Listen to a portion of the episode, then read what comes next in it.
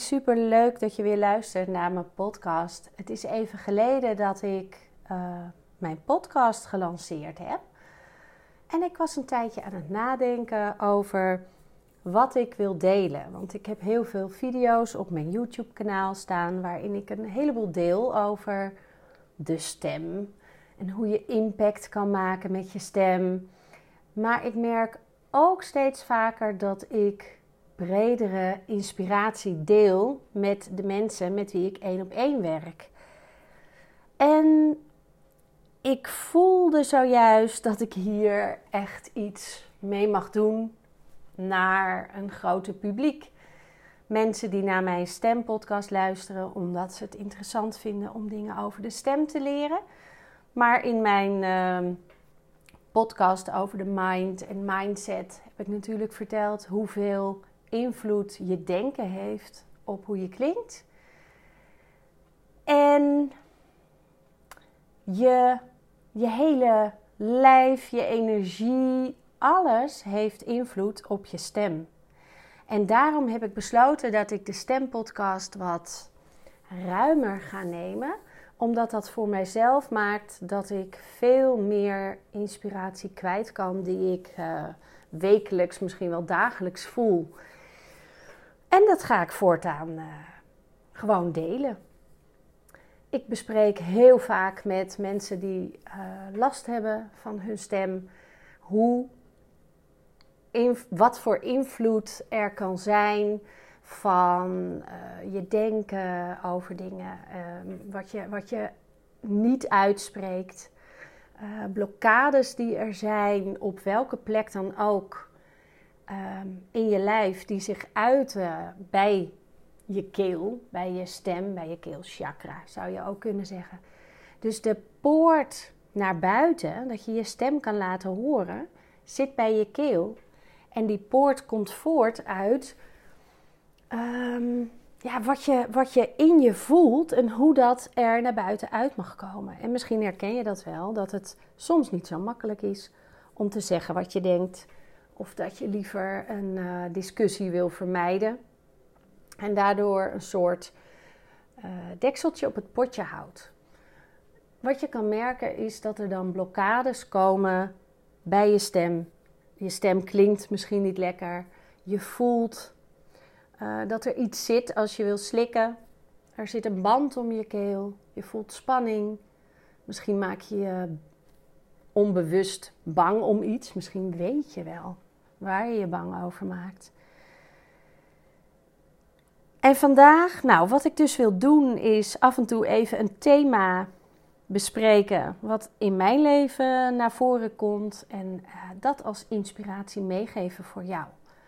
En het thema van deze week is, uh, heeft te maken met loslaten en vooruitkijken. En dat past ook bij uh, de volle maan van gisteravond. En wat ik je wil vragen voor nu is om eens te denken: wat is mijn oude verhaal? En wat is mijn nieuwe verhaal? Wat mag mijn nieuwe verhaal worden? En als je gaat nadenken over wat is mijn oude verhaal, dan geef ik je daarvoor graag een voorbeeld over hoe dat bij mij is. Mijn verhaal was namelijk: ik heb het altijd druk en ik werk heel hard. En dat was ook zo. Ik werkte uh, alle dagen, misschien wel zeven en avonden, de laatste 15 jaar, denk ik. Na mijn scheiding ben ik hard gaan werken. En hard werken is, uh, was nodig. Want ik had een inkomen nodig voor mij en mijn dochters en een, voor het huis en uh, mijn uh, praktijk en wat dan ook. Dus het inkomen was nodig. Maar hard werken kan ook lekker zijn. Want dan hoef je niet zo na te denken over hoe het echt met je gaat. Of wat je van binnen voelt. Op het moment dat je niet helemaal prettig voelt, kan je dat gaan onderzoeken. Maar je kan ook denken, nou, ik ga eventjes administratie doen of een nieuwsbrief schrijven of, nou ja, werken. Werk. En zeker zoals ik in een uh, eigen bedrijf heb je altijd wel iets te bedenken. Dus mijn verhaal is ook voor de mensen om mij heen. Katinka heeft het altijd druk. Dat zeggen mijn ouders bijvoorbeeld ook. Ja, geef jij maar aan wanneer je kan afspreken, want jij hebt het altijd zo druk. En het laatste jaar ben ik daar uh, anders naar gaan kijken. En dat was een beetje de noodzaak, doordat we uh, minder moesten en minder konden werken. En um, dat beviel me eigenlijk wel. Het was ook best wel eens lastig, want je comfortzone is hard werken. En ik heb het druk en ik werk hard.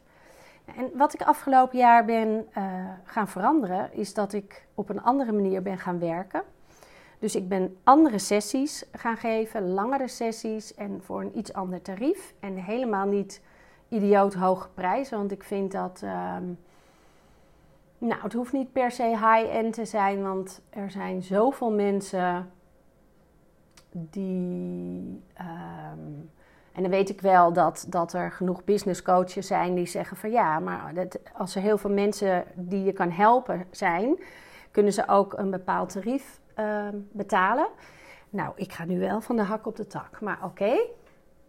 Uh, in mijn geval is het zo dat ik wil dat het een bedrag is waar ik me goed bij voel en waarbij ik denk dat iedereen kan zeggen die, die een beetje wil werken aan zichzelf, ja, die investering die, die wil ik doen, maar die kan ik ook doen.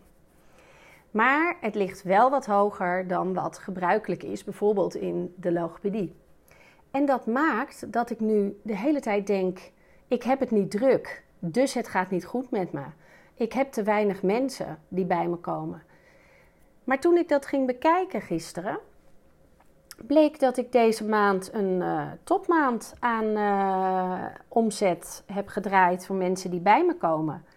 En dat is omdat ik dat op een andere manier ben gaan doen. Dus mijn oude verhaal, dat ik het druk moet hebben en dat het dan goed met mij gaat, is helemaal niet meer dienend voor mij. Het is gewoon niet meer waar. Ik heb, ik heb het ik heb het lekker. En misschien heb ik het net zo druk als een jaar geleden, maar het voelt niet als druk. Omdat ik het volgens mijn voorwaarden doe, snap je?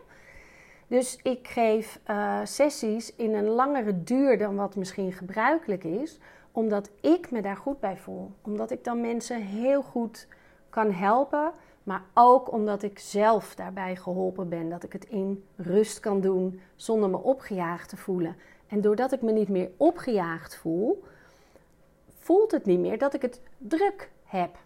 En wat ik, wat ik de afgelopen weken uh, merkte was dat ik uh, onrustig werd, want ik, ik had het niet druk. Dus oh, het gaat vast niet goed. Nou, dat is dus wat ik je vandaag wil meegeven. De verandering, de gedachte van ik moet het druk hebben en dan gaat het dus goed met mij, naar ik voel me relaxed en het gaat goed met mij en mijn omzet is ook nog goed. Want dat is natuurlijk wel fijn, hè? dat er nog wel geld binnenkomt. Dus mijn oude verhaal is: ik heb het altijd druk. En mijn nieuwe verhaal is: even kijken hoe ik die leuk ga zeggen. Ik kan op een relaxte manier mijn werk doen waar ik super blij van word, waarmee ik iemand heel goed kan helpen en ook mijzelf help. Nou, is best mooi hè? Nou, voor nu wil ik je dus heel graag meegeven. Ga eens zitten. Uh, zet een lekker muziekje op. Steek een kaarsje aan. Neem even tijd voor jezelf.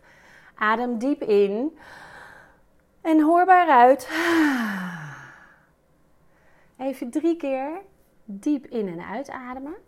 En dan ga je schrijven: wat dient mij niet meer? Wat mag ik loslaten van de afgelopen maand, van het afgelopen jaar, van de afgelopen tien jaar, misschien wel twintig jaar? Wat is mijn oude verhaal? Wat vertelde ik anderen altijd? Wat vertelde ik mezelf altijd? Welk verhaal is niet meer wat ik mee wil nemen naar vanaf nu? En je hoeft nog helemaal niet te weten wat je nieuwe verhaal wordt. Daar hoef je niet onrustig over te worden, want nou, daar kom ik nog wel een keer op terug. En dat dient zich vanzelf wel aan.